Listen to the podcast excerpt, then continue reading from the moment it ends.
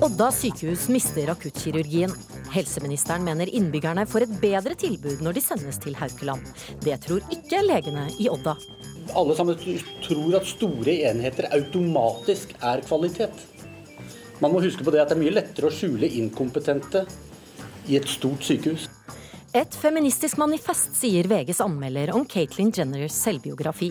Dagen jeg ble rullet inn på operasjonssalen for endelig å bli kvinne, er den lykkeligste dagen i mitt liv, sier hun som var han. Og tegneserien The Simpsons markerer dagen med egen spesialepisode. 100 days in office, so many accomplishments. Oh God, this is horrible. I dag har Donald Trump vært president i 100 dager. Velkommen til ukeslutt. Jeg heter Åsa Vartdal. Og enten du kvesser paroler eller hagesaks før 1. Eh, mai, Fremskrittspartiets Ungdom vil avskaffe 1. mai som fridag, og mener den for lengst har utspilt sin rolle. Men først skal vi til eh, KrFs landsmøte i Trondheim. Til vervet som andre nestleder har valgkomiteen foreslått Kjell Ingolf Ropstad.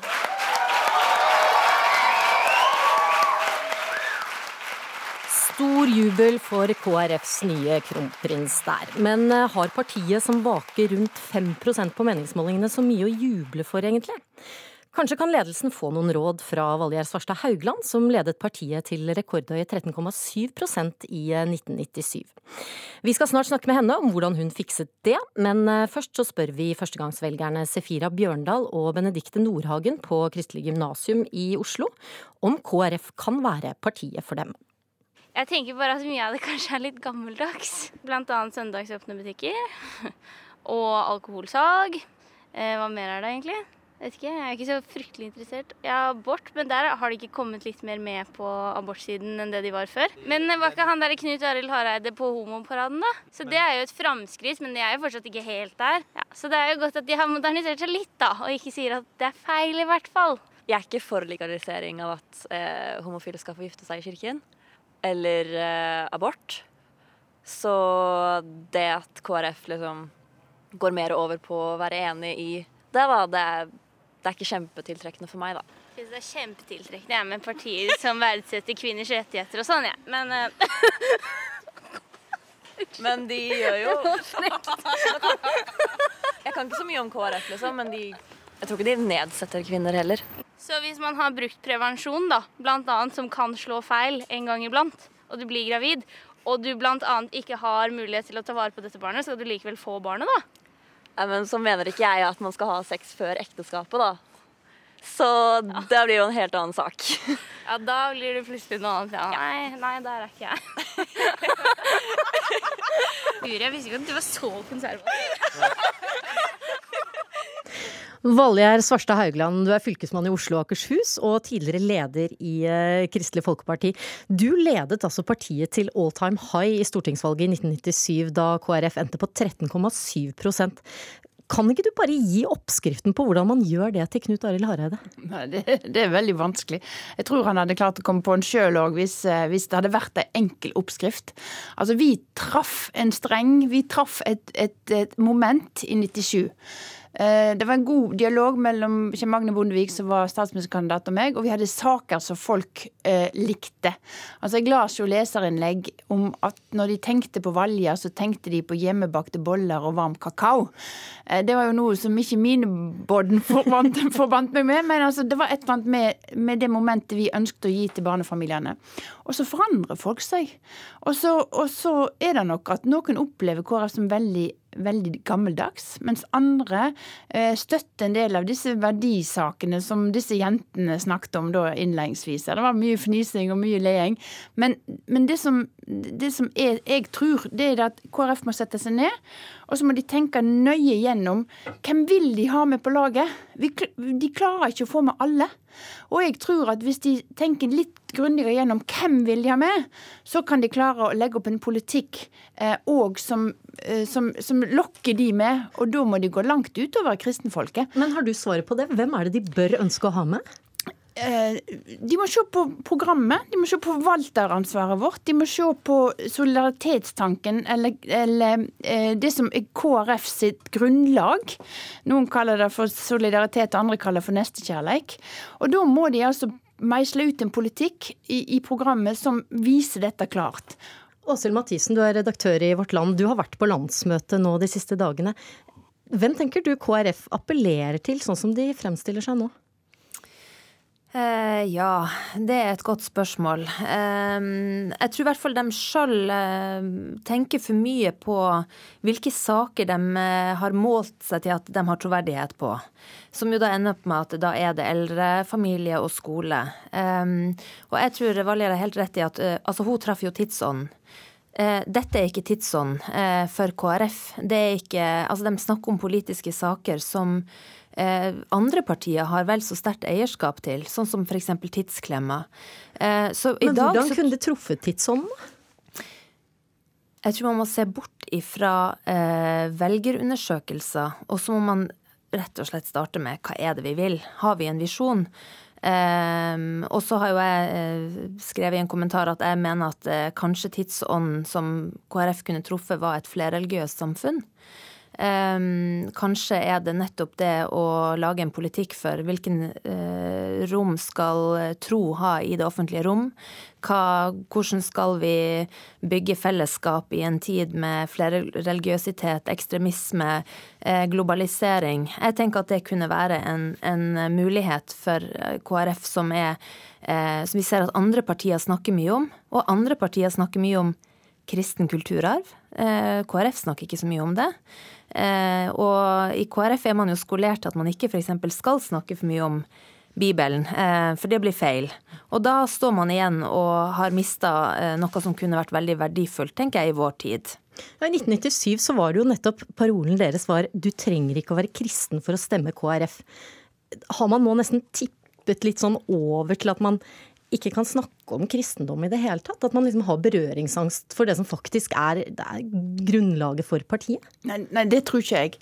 Det, ikke, det, å ha parolen 'du trenger ikke være kristen for å stemme korrekt', det hadde de òg eh, når bestefaren min var på Stortinget før krigen og etter krigen. Men mente altså, de det? Ja, det gjorde de fordi at de mener, som jeg òg sier, noen av disse unge kvinnene i KrF sier, det er langt færre enn de som, som kaller seg kristne, som syns vi har gode saker eh, Unnskyld, Kristelig Folkeparti har gode saker. Eh, og, eh, og, og, og, da er det viktig eh, å lytte til de, for det, du må ut over det tradisjonelle. Hvis du går til Den norske kirke, f.eks., så jeg vet ikke prosentvis hvor mange som stemmer KrF. De tar KrF som en selvfølge. At de skal kjemper for kirka, de skal kjempe for bedre økonomi, de skal ha masse penger til trusopplæring og alt dette her. Men veldig mange av de stemmer andre parti. Fordi at eh, de syns at KrF blir for snever. Og da tenker jeg eh, at det å se på det livssynsåpne samfunn, eh, det var et utvalg som hadde det som overskrift, og jeg satt i det utvalget. Og vi snakket om det livssynsåpne samfunnet. Det er klart at KrF kan ha en, en viktig rolle i å diskutere det, og ikke bare K-en, men altså rett og slett livssynsåpne, og hvordan vi skal klare å eh, inkludere de ulike trossamfunnene òg. Fordi at grunnverdiene er ikke så ulike som en skulle tro. Men Mathisen, du mener vel at man paradoksalt nok kan appellere mer til det flerkulturelle samfunnet ved å være tydeligere på det kristne? Ja, jeg tenker at uh, i vår tid så er det å ha en tydelig identitet er noe som er attraktivt. Uh, og ikke sånn som jeg opplever KrF nå, som nesten et parti som uh, er veldig opptatt av å, å si, diskutere alle de sekulære sakene og være mest mulig vanlig. Men så er det jo sånn at når vi hører disse jentene som snakker, så er det jo disse tingene man forbinder KrF med. Så det er på en måte Kristenimaget er den store muligheten og den store eh, hva skal jeg si, problemet, da. Så jeg tror det er den kjernen man må jobbe seg innenfra og ut. Altså hvordan utvikler vi dette? Hvordan kunne f.eks. en dialog med islam og muslimer gjøre at man redefinerer litt eh, hva en, ja, en kristen, hvor åpen en kristen kan være? Og så er det jo sånn at Kristen-Norge er ekstremt polarisert i dag. Det er israelsvenner, det er changemakere, det er konservative i familiepolitikken, radikale i innvandringspolitikken. Alt dette er Kristen-Norge i dag. Og, da, og eh, hvis man på en måte forsøker å balansere og fri til den ene den ene dagen og den andre den neste dagen, så blir det et helt eh, usynlig prosjekt Svarstad Haugland, jeg leste en tale som du holdt under Kristendemokratisk forum i fjor, og der sa du at man må tørre å miste noen velgere for å få noen nye. Hvem er det KrF nå bør tørre å miste? Tør ikke jeg si. jeg, jeg, jeg, jeg, bør ikke si det. Kan man, kan man tørre å miste deler av grunnfjellet? Uh, hva er grunnfjellet, da? Grunnfjellet, altså det er ikke noe, det grunnfjellet tror jeg kommer til å være der alltid, for å si det sånn. Men uh, altså jeg er uenig med Åshild når hun sier at, jeg, at, KrF ikke snakker om kristne verdier og snakker til kristne velgere. Jeg, jeg syns de gjør det.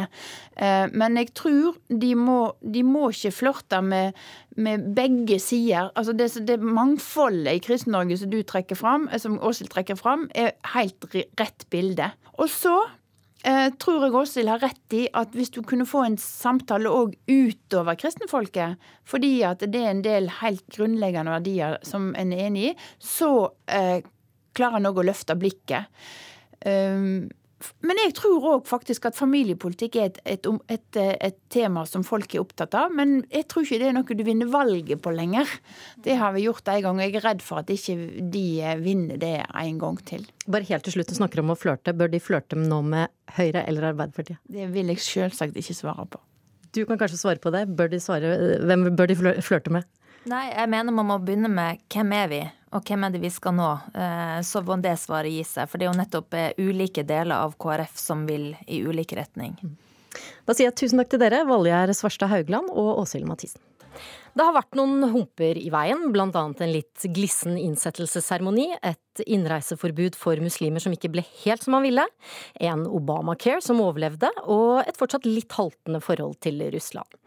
I dag har Donald Trump sittet ved makten i 100 dager. I går sa han at han hadde trodd jobben som USAs president skulle være enklere. Vi har kastet et lite skråblikk på Trumps første 100. Hva har du gjort denne uken, Donald? Hva har du funnet på? Har De første hundre dagene. Morning, I turn on one of the networks, and they show an empty field. And they said Donald Trump did not draw well. I said, it was almost raining. The rain should have scared him away, but God looked down and he said, we're not going to let it rain on your speech. Donald Trump, han Han eh, skal i hvert fall bygge mur eller vegg mellom eh, USA og Mexico. Donald J. Trump is calling for a total and complete shutdown of Muslims entering the United States until our country's representatives can figure out what the hell is going on. Don't pass judgment on other people, or else you might get judged too. Oh, me? Not just you, all of you. Bad things are going to happen to Obamacare. There's not much you can do to help it. And I'm disappointed because we could have had it. Uh, so I'm disappointed. I'm a little surprised, to be honest with you. You look at what's happening in Germany. Marcus og Martinus er for tida i Tyskland. You look at what's happening last night in Sweden. Sweden! Vi tävlade om vem som kunde luta sig längst ut. Och jag vann. Who would believe this? Sweden! It would be wonderful if NATO and our country could get along with Russia. Right now, we're not getting along with Russia at all. Мы сегодня много говорили по этим проблемам. Be a fantastic thing if we got along with Putin and if we got along with Russia. Igor, Let's say China. China, China, China. I have to have my China. China, China, because China. I know China very well. China, China, China. Right now, the world is a mess. By the time I'm finished, it's going to be a lot better place to live in because right now it's nasty.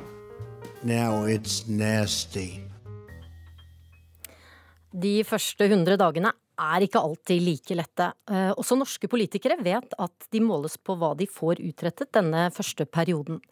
Men eh, hvor kommer dette 100-dagersmålet egentlig fra?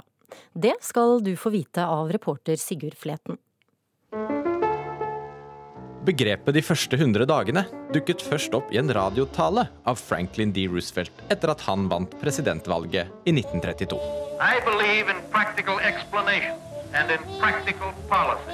På den tiden fikk han gjennom 15 lover som skulle få landet ut av depresjon og få sving på industri og jordbruk.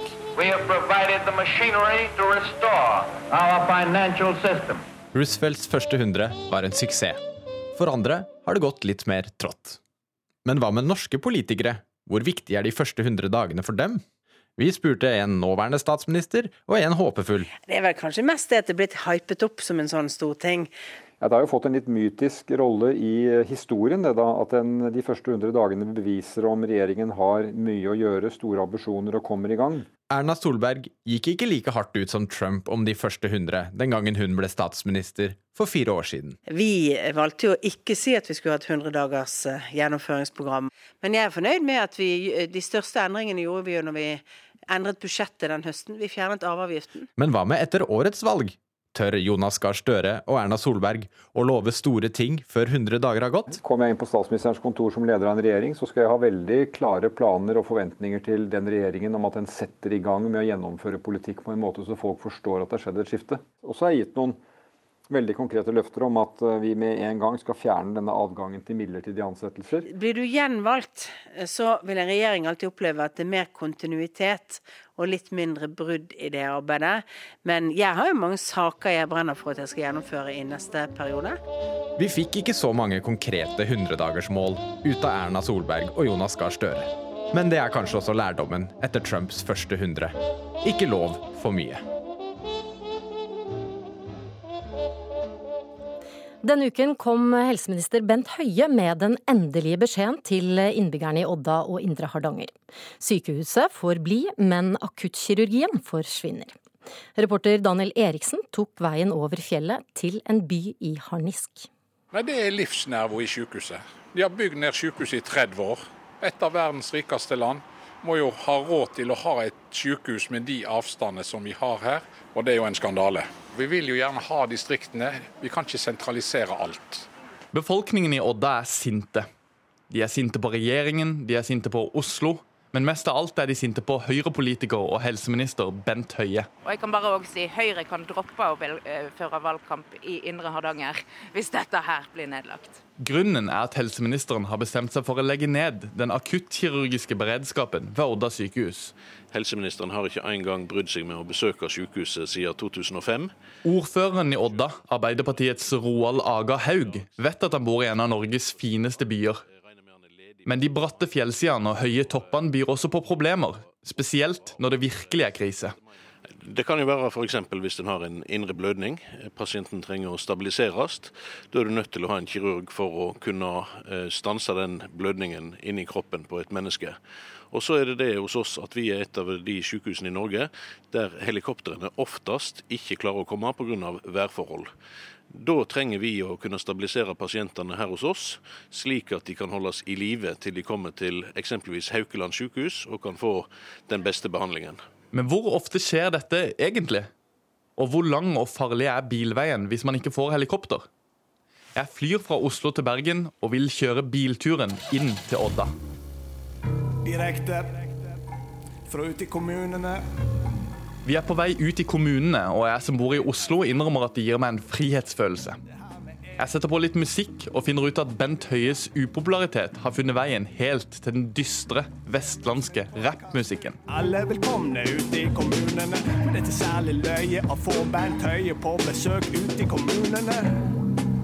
Ikke det, skjønner du? Jeg kjører forbi høye, hvite topper med stupbratte fjellsider som ender i en speilblank vannflate. Jeg føler at jeg kjører et postkort fra Norge.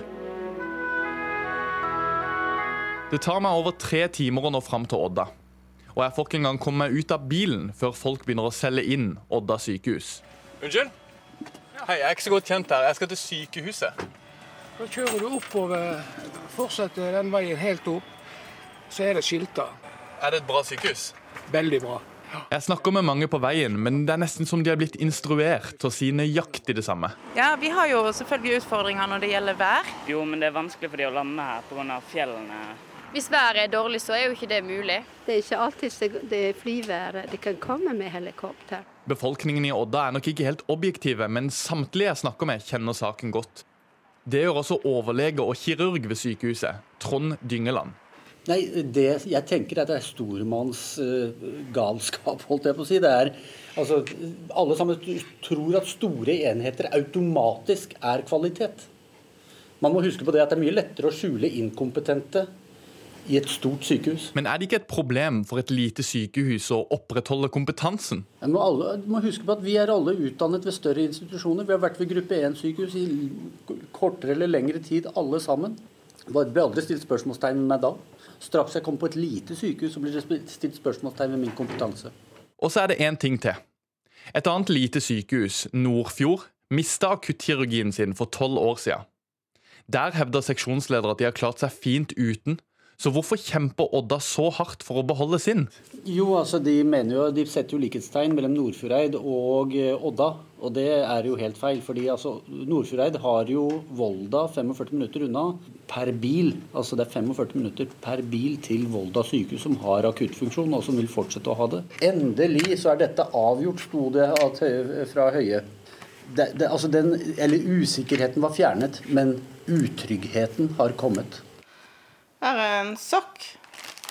Den eh, får du kanskje pekefingeren, nei, lillefingeren inni. Den var for stort, Eirik. Annebjørg Skare Molven viser meg den minste sokken jeg noensinne har sett. Den tilhørte sønnen Eirik, som ble født 13 uker for tidlig. En dramatisk natt for seks år siden. Eh, det var kveld, og det var skodd og hang nede ved sidene. Det var Helikopter kunne ikke komme inn. Eh, og Eirik han eh, skulle ut, tydeligvis. Så jeg måtte opp igjen på Odda sykehus og ta akutt keisersnitt med full narkose. Eh, flyværet var veldig dårlig. Så ambulansen var ute og henta ambulanselegen i Kvinnherad. Fikk han inn, så når han kom til Odda sykehus, så var Eirik akkurat tatt ut. Og helikopteret var da kjørt til Haukeland for å hente kuvøse og utstyr.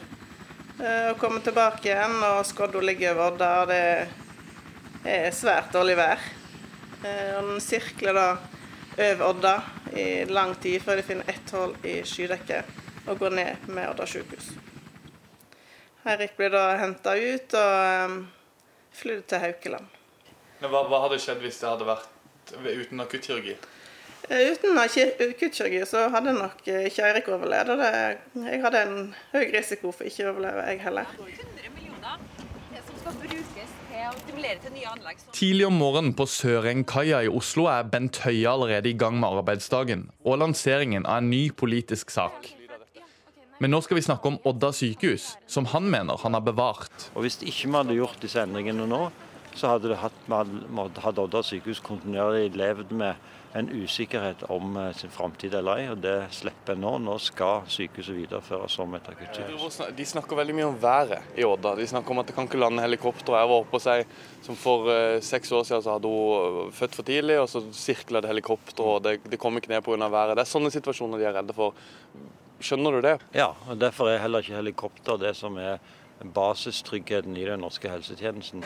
Ambulansetjenesten det er ambulansene på hjul som er hovedsikkerheten vår. Så var det ras da, også... Ja da, men så er det flere veier ut av Odda òg. Eh, og det er sykehus òg eh, i de andre veiene som går ut av Odda. Og dette er jo nettopp de spørsmålene som òg er vurdert i den, eh, det utredningsarbeidet som, som, som er gjort. Helseministeren sier han forstår godt at Odda reagerer. Men av og til må man bare trekke av plasteret. Altså, endringer er ikke lett, og jeg forstår at en tenker at en har hatt et godt tilbud, og så er en redd for det som kommer. Men uh, det som kommer er veldig bra. At eh, sykehuset vårt forblir er jo selvfølgelig veldig bra, men vi er veldig avhengig av akuttkirurgien. Vi har to store bedrifter, vi har kjempeturisme, og ikke minst vi som bor her. Uh, og i mitt tilfelle å bli transportert i to-tre timer i ambulanse fødende i 13 uker for tidlig, det er ikke noe gode odds for å klare seg. Kampen om akuttkirurgien i Odda er ikke helt over. KrF og SV har allerede lagt fram et forslag i Stortinget om å redde tilbudet, og det skal til behandling 15. mai. Caitlyn Jenners bok er et feministisk manifest, sier VGs anmelder, og møter hun som en gang var han. Og mandag er det 1. mai, og jordens bundne trelle skal opp og kjempe. På hytta. Jeg sitter hjemme og soler meg. Jeg skal ingenting. Bare være hjemme. Skal 1. mai være fridag når de færreste bruker den til å kjempe for arbeidernes rettigheter? Det syns ikke Fremskrittspartiets ungdom. For to år siden overrasket faren i den berømte Kardashian-familien den tidligere olympiske mesteren i tikamp, Bruce Jenner, en hel verden da han sto frem og sa 'jeg er kvinne'. Nå har 67 år gamle Caitlyn Jenner, som hun nå heter, skrevet selvbiografien 'Mitt hemmelige liv'. Og hun sa dette da hun ble intervjuet på TV-programmet Good Morning America denne uken. I think I certainly have, over the last two years, opened up the conversation um, about a very marginalized community, and I'm very proud of that. And so I've just worked over the last two years, been misunderstood, made a lot of mistakes, but I've worked hard to try to make a difference uh, for our community, and, and will continue to do that. Tove Bjørgaas, du er korrespondent i Washington. I USA så vet så godt som alle hvem Caitlyn Jenner er. Hvorfor får hun så mye oppmerksomhet? Fordi hun er en eh, superkjendis eh, og har vært, på, både, eh, vært med i Keeping Up with the Kardashians, eh, realityserien som mange kjenner fra Norge. Har også fått sin egen TV-serie etter at hun sto fram som transperson for to år siden. Men, men det er også slik at Caitlyn Jenner kommer fra på en måte et segment av det amerikanske samfunnet som kanskje ikke normalt ville stå frem med dette. Hun er republikaner, hun stemte på Trump. Eh, hun har eh, store tilhengerskarer på på en side som kanskje ikke vet veldig mye om transpersoner. Eh, og Derfor har hun også vært veldig viktig. Hvordan har reaksjonene vært på denne boken som kom denne uken?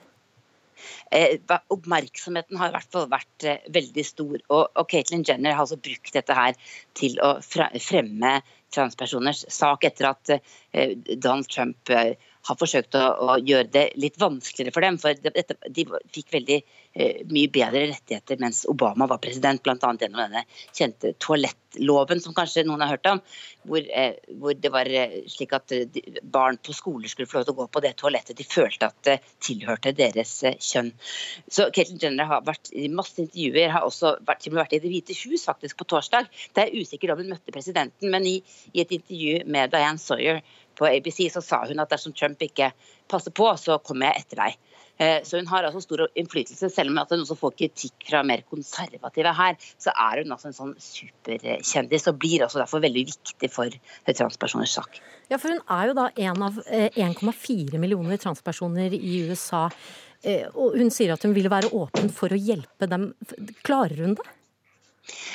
Ja, hun, altså det har jo skjedd veldig mye eh, for transpersoner her. Kanskje før hun sto frem også, men akkurat i den perioden. Så hun sto frem på et veldig viktig eh, tidspunkt. Og så kom jo denne loven for likekjønnede ekteskap også det samme året som hun sto frem i, i 2015. Eh, men det har vært veldig mye fokus på dette. Eh, det ble faktisk eh, slik at Demokratene ble kritisert for å fokusere for mye på det i valgkampen, og, og, og, mente at det var kanskje en grunn til at det ikke, så, ikke gikk så bra for dem, fordi de er så veldig opptatt av, av minoriteters rettigheter. Eh, men det er klart det er en sånn superkjendis som har eh, så eh, mange som vet hvem hun er. Eh, og det er også veldig viktig å huske på bakgrunnen til Caitlyn Jenner. Altså Bruce Jenner var jo da en veldig kjent amerikansk idrettsutøver som vant eh, OL-gull i tikamp i 1976, var det vel. Og da var det russerne som hadde vunnet dette gullet to ganger før. og ble en veldig viktig sånn idrettshelt i den kalde krigen her. En slags sånn superamerikansk helt. Den første idrettsutøveren som tok et amerikansk flagg fra en tilhenger på tribunen og løp rundt stadion med det. Et ikon.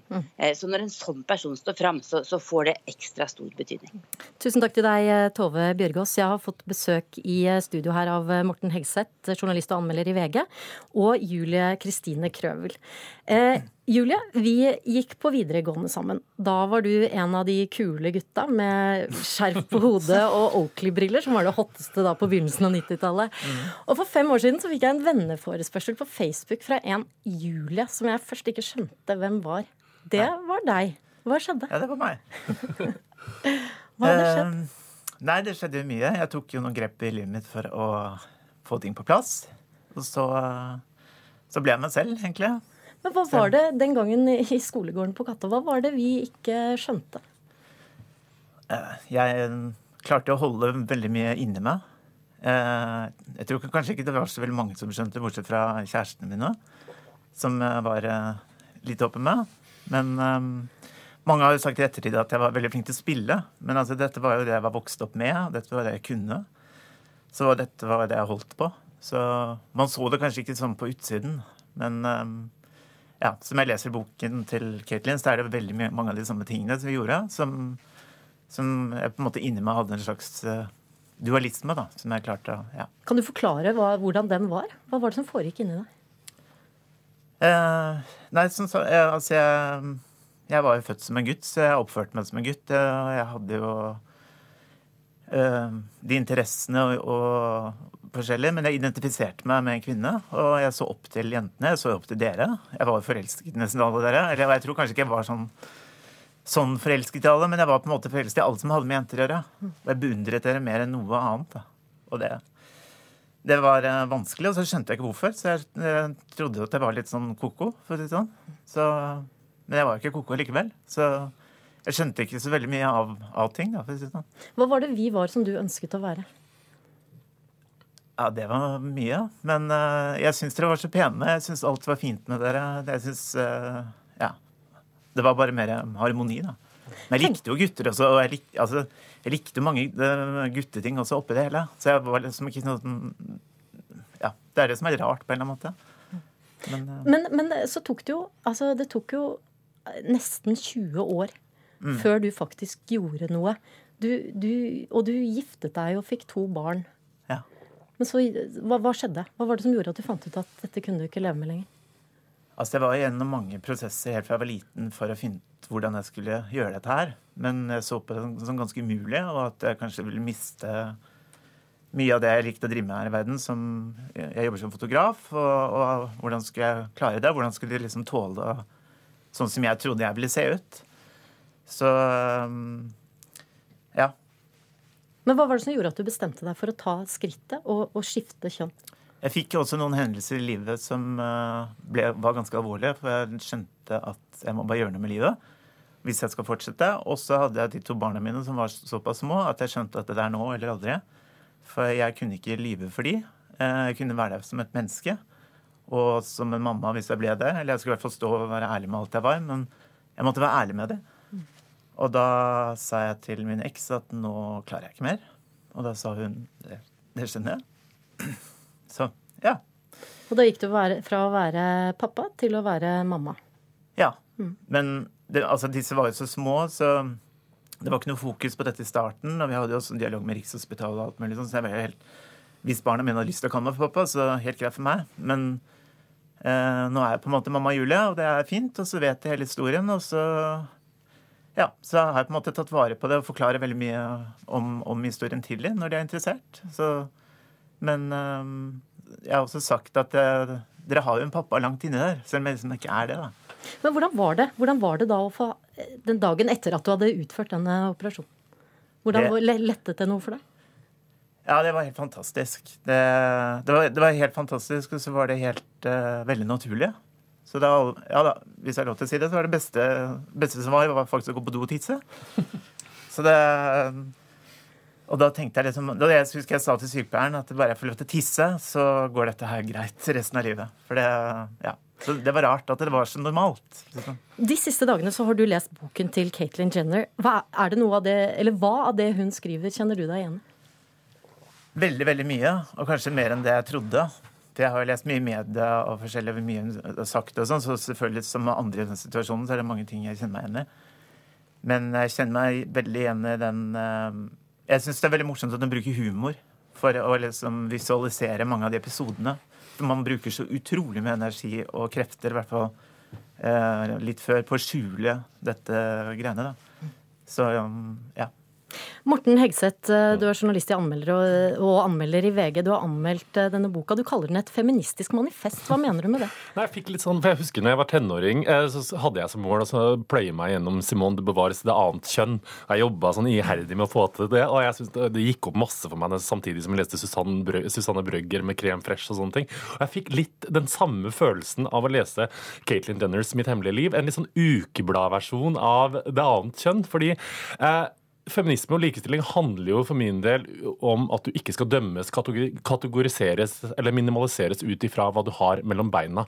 Og det er jo akkurat det denne boka handler, om. og det er eh, litt sånn som Julie sier, og det er på en måte det er en kjærlighetsmanifest til damer. på en måte. Det er en hyllest av kvinnen, og det her er jo så tydelig, for det er en, det er en kvinne som i 69 år har gått og grubla på temaet kjønn, seksualitet og identitet. Og det er så klokt og gjennomtenkt og smart. og at, altså, I den tida vi lever i nå, i 2017, der det nesten er en sånn konstant fest med å slå inn åpne dører ved å si eh, 'jeg elsker å være sminkefri', eller eh, ting vi har hørt tusen ganger før, så oppleves nesten de tankene Caitlyn Jenner med som, i forhold til kjønn nesten som revolusjonerende. Jeg synes det er helt fantastisk. Har det, har det, på noen måte forandret ditt syn på, på Julie, andre transpersoner? Veldig, fordi jeg er jo gammel feminist, skulle jeg si, og har ofte tenkt på i forhold til kjønnsidentitet og transpersoner, så har jeg liksom ikke forstått Altså, jeg har forstått det, men jeg har hatt noen fordommer, for jeg har tenkt sånn at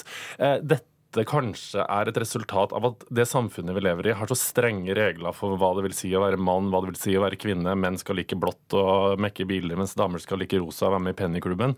Men så skjønner man jo når man leser denne boka her og hører på Julie og ser andre liksom, dokumentarer om det, at det stikker så innmari mye dypere enn at du liker rosa og er medlem av Pennyklubben. Det er liksom så eksistensielt og stort og livsviktig, da. Og det fikk boka til Caitlyn Jenner meg igjen til å forstå. Mm. Det, det, det, er jo en litt annen type åpenhet rundt dette enn den gangen eh, vi gikk på videregående for 20 år siden. Ja. Hvis du hadde kunnet lese den boka, denne boka til Caitlyn Jenner den gangen mm. for 20 mm. år siden, ville det ha forandret noe for deg? Ja, det er jeg sikker på at det hadde gjort. For at, uh, hun, altså, hun, er jo en person som, altså, som har, har, også litt makt. Og det tror jeg også er kjempefint. For at, uh, på den tiden så var det uh, snakker man, man, snakker man ikke så mye om det. Og de jeg så, som jeg tenkte på som var muligens i den situasjonen jeg var i, var mer som showbiz. ja, det, var, altså det er mange, mange, forskjellige retninger, da. Men å se en så normalt på det, som det står i den boken der, det vet jeg hadde betydd noe for meg. For jeg var utrolig alene med det jeg drev med. Så jeg var jo på en måte i min egen verden såpass lenge med det. Så ja, det hadde jeg. Tusen takk til dere. Eller før dere går, skal dere gå i 1. mai-tog på, på mandag? Jeg visste ikke at det var 1. mai. Eh, jeg skulle gjerne sagt ja, men jeg tror dessverre at jeg ikke kommer til å gjøre det. Det er helt i orden. Tusen takk til dere, Morten Hegseth og Julie Kristine Krøvel.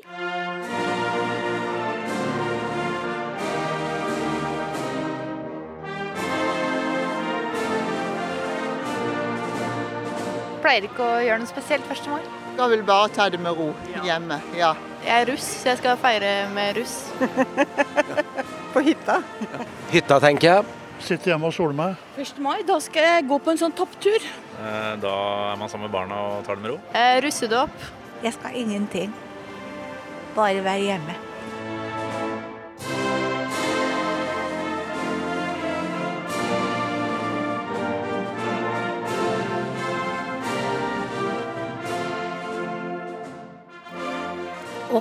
Alle jordens bundne trelle opp i som sulten knuge tar. Enten du nå pusser på paroler til 1. mai-toget, eller på gressklipperen som ikke har vært framme siden i fjor. Siden 1890 har 1. mai vært den dagen da arbeiderklassen viser styrke og går i tog med røde flagg og paroler, og siden 1947 en dag folk har fri fra jobben. Kristoffer Pedersen, du er nestleder i Fremskrittspartiets Ungdom. Det vil du ha en slutt på. Hvorfor bør ikke 1. mai være en offentlig høytidsdag? Nei, altså Når vi hører på, på introen her, så er jo de fleste jo klare for å, å ta det med ro og sole seg og, og fikse i hagen. Uh, og jeg tenker som så at Når vi først skal ha en høytidsdag i Norge, så bør det være en dag som, som samler om de felles verdiene vi har. Eh, ikke bli en, en hagedag og en valgkampåpning for, for venstresida. Men kan man ikke samles om de verdiene selv om man går og steller i hagen? Jo, men da må man også kanskje representere de verdiene. Altså når man ser årets paroler, så ser vi altså støtt byrådet, anerkjenn Palestina, varig vern av LoVC, eh, tilbakekalling av statsborgerskap. Altså, dette er jo saker som ikke har noe med arbeidslivspolitikk å gjøre. Eh, og det er det som er problemet med, med 1. mai. Det skal være en dag for arbeidslivspolitikk. Det har det ikke blitt. Det har blitt en valgkampåpning for, eh, for venstresida. Andrea Sjøvold, du er leder i Sosialistisk Ungdom, og kanskje ikke helt overraskende, dette er du helt uenig i, men har han et poeng? Hvorfor er det så viktig å ha fri 1. mai? Det er veldig viktig å ha fri eh, 1. mai, og det er viktig at vi feirer 1. mai både for å hedre de som har kjempa alle de viktige kampene for oss tidligere, så på mange måter er det en festdag. Men aller viktigst så er det en, en kampdag, og denne regjeringa har jo på veldig mange måter aktualisert 1. mai som en kampdag. Gjennom økt eh, arbeidsløshet, gjennom rasering av arbeidsmiljøloven, og at vi ser at det er økte forskjeller, eh, økende forskjeller i Norge. Eh, Så ingen andre enn denne regjeringa aktualiserer jo 1. mai som, som en kampdag. Men hvorfor det skal være fri, det er jo fordi det er arbeiderne sin internasjonale dag. Og da kan jo ikke de være på jobb. Og da må- vi ha den friheten til å, til å kunne kjempe den dagen. Er arbeidernes kamp vunnet? Er det det du mener, eh, Pedersen? Nei, altså, som jeg hører på Andrea nå, så er det jo kanskje nesten det, da. Når man sier at altså, de parolene man har, er jo ikke så veldig mye arbeidslivspolitikk relatert. Og jeg må si at jeg, jeg syns jo det er et paradoks når en av parolene er å, å verne LoBC. Vi har også tidligere hatt paroler som går på altså, omtrent man skal legge ned oljenæringen. Altså en næring som sysselsetter nå i dag eh, 185 000, eh, 185 000 mennesker. Eh, Og Hvis man da først skal kjempe for arbeidslivspolitikk og kjempe for arbeiderne, eh, så vet jeg ikke om den beste løsningen er å, å sørge for at de ikke har en jobb å gå til eh, i morgen. Altså, det, hovedparolen i år er jo arbeid til alle, og det har jo denne regjeringa absolutt aktualisert ved at vi har 115 000 arbeidsløse i Norge som, som går en veldig usikker fremtid i møte, som kanskje ikke har råd til å betale ned på, på huslånet sitt, som ikke har råd til å dra på ferie med familien sin. Og da trenger vi en dag der vi kan stå opp og kjempe for de arbeidslivsrettighetene som vi krever. Men er ikke dette rettigheter man egentlig bør kjempe for hele året? Jo, absolutt, men det er viktig at vi har en dag som anerkjenner at det her er en ekstremt viktig kamp. Det er ikke alle som har muligheten til å kjempe fordi man er på jobb, eller fordi man gjør andre ting, da. Altså, jeg har bare et spørsmål, Andrea, for Du sier at altså, hovedparolen er å gi arbeid til flere. Altså, skaffer, man, skaffer man flere arbeidsplasser ved å legge ned en næring som sysselsetter 185 000 mennesker? Altså, det handler jo om eh, en helt annen debatt. Hvordan skal vi få en grønn omstilling? Det her handler jo om Men han, 1. det mai. poenget hans er kanskje at noen av, veldig mange av parolene de handler ikke lenger så mye om arbeidernes rettigheter. Men det her er jo også en dag for internasjonal solidaritet. Altså En av, av parolene som du nevnte, var jo 'anerkjenn eh, Palestina'. Eh, og det er jo en ekstremt viktig kamp. I år er det 50 år siden Israel okkuperte Palestina.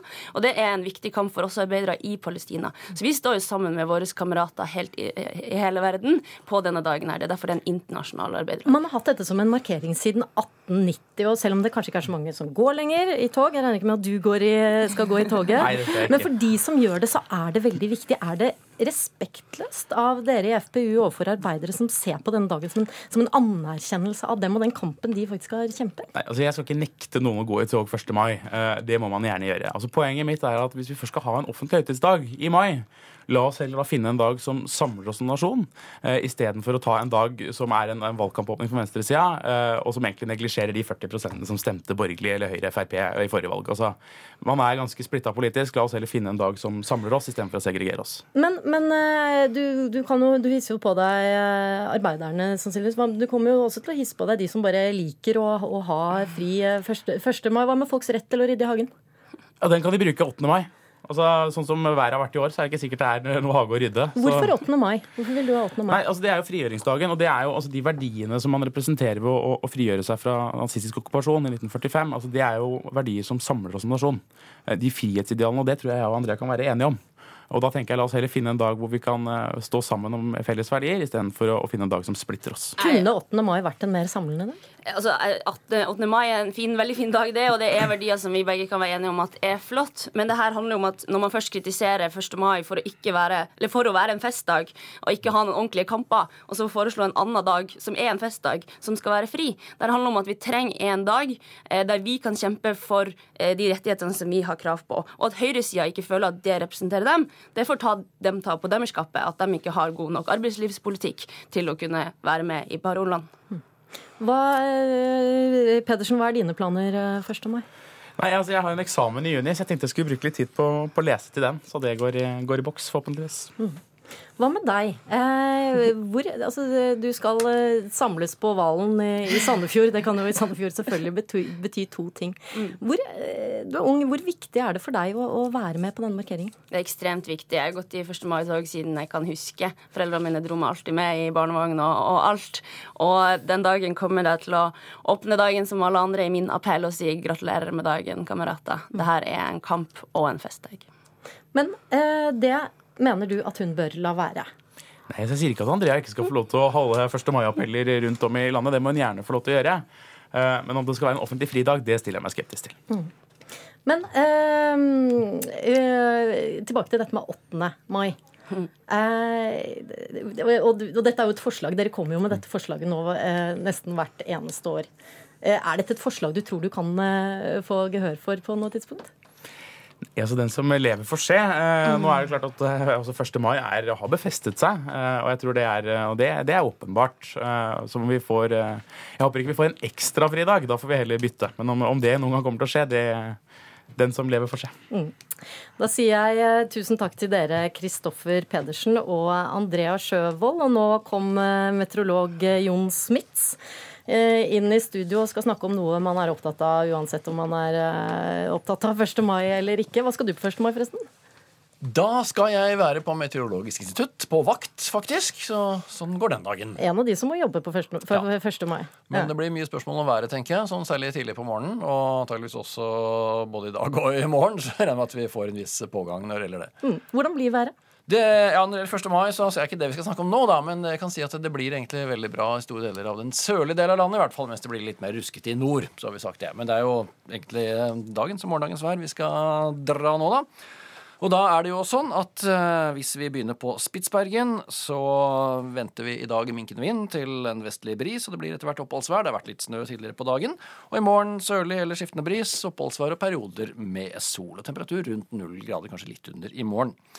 Nord-Norge får eh, egentlig veldig fint vær i dag i de fleste stedene, men så er det slutt i den delen av landet egentlig for en stund med det virkelig fine været. De har vi kost seg der ganske lenge. For i morgen øker vinden på fra øst til nordøst. Om kvelden kan vi få stiv kuling stedvis eh, i Finnmark. Og utover ettermiddagen og kvelden så kommer det også snø i indre strøk fra Finnmark til den nordlige delen av Nordland. Og før snøen kommer skyene. Eh, Og om kvelden så får vi sludd og snø også ut mot kysten. Men lengst sør i Nordland så blir det oppholdsvær eh, i morgen i hvert fall. Når det gjelder Sør-Norge, venter vi oppholdsvær og perioder med sol, særlig i de østlige delene av landsdelen i dag. I vest mer skyet, og det går en og annen regnbyge faktisk fortsatt, men de forsvinner til i morgen.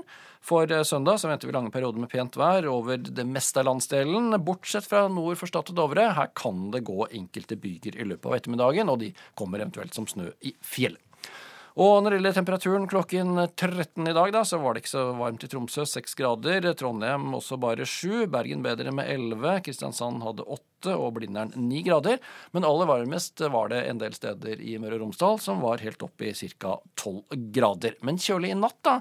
Chodat Moki hos observatøren vår Nora Ragnhild Nordli, som hun heter der, der målte de minus 17 grader på det kaldeste i natt. Tusen takk for eh, det, og takk for at du hørte på. Ukeslutt kan du høre når du vil og hvor du vil, enten som podkast eller i NRKs nettspiller, som du finner på nrk.no. Du kan også høre oss i Alltid nyheter klokka fire, og vi tar gjerne imot tips og tilbakemeldinger på ukeslutt at nrk.no. Det var sendingen eh, i dag. Ansvarlig var eh, Camilla Skarra. Teknisk, det tekniske ansvaret hadde Erik Sandbråten, og jeg heter Åsa Vartdal. Ha en kjempefin 1. mai-helg.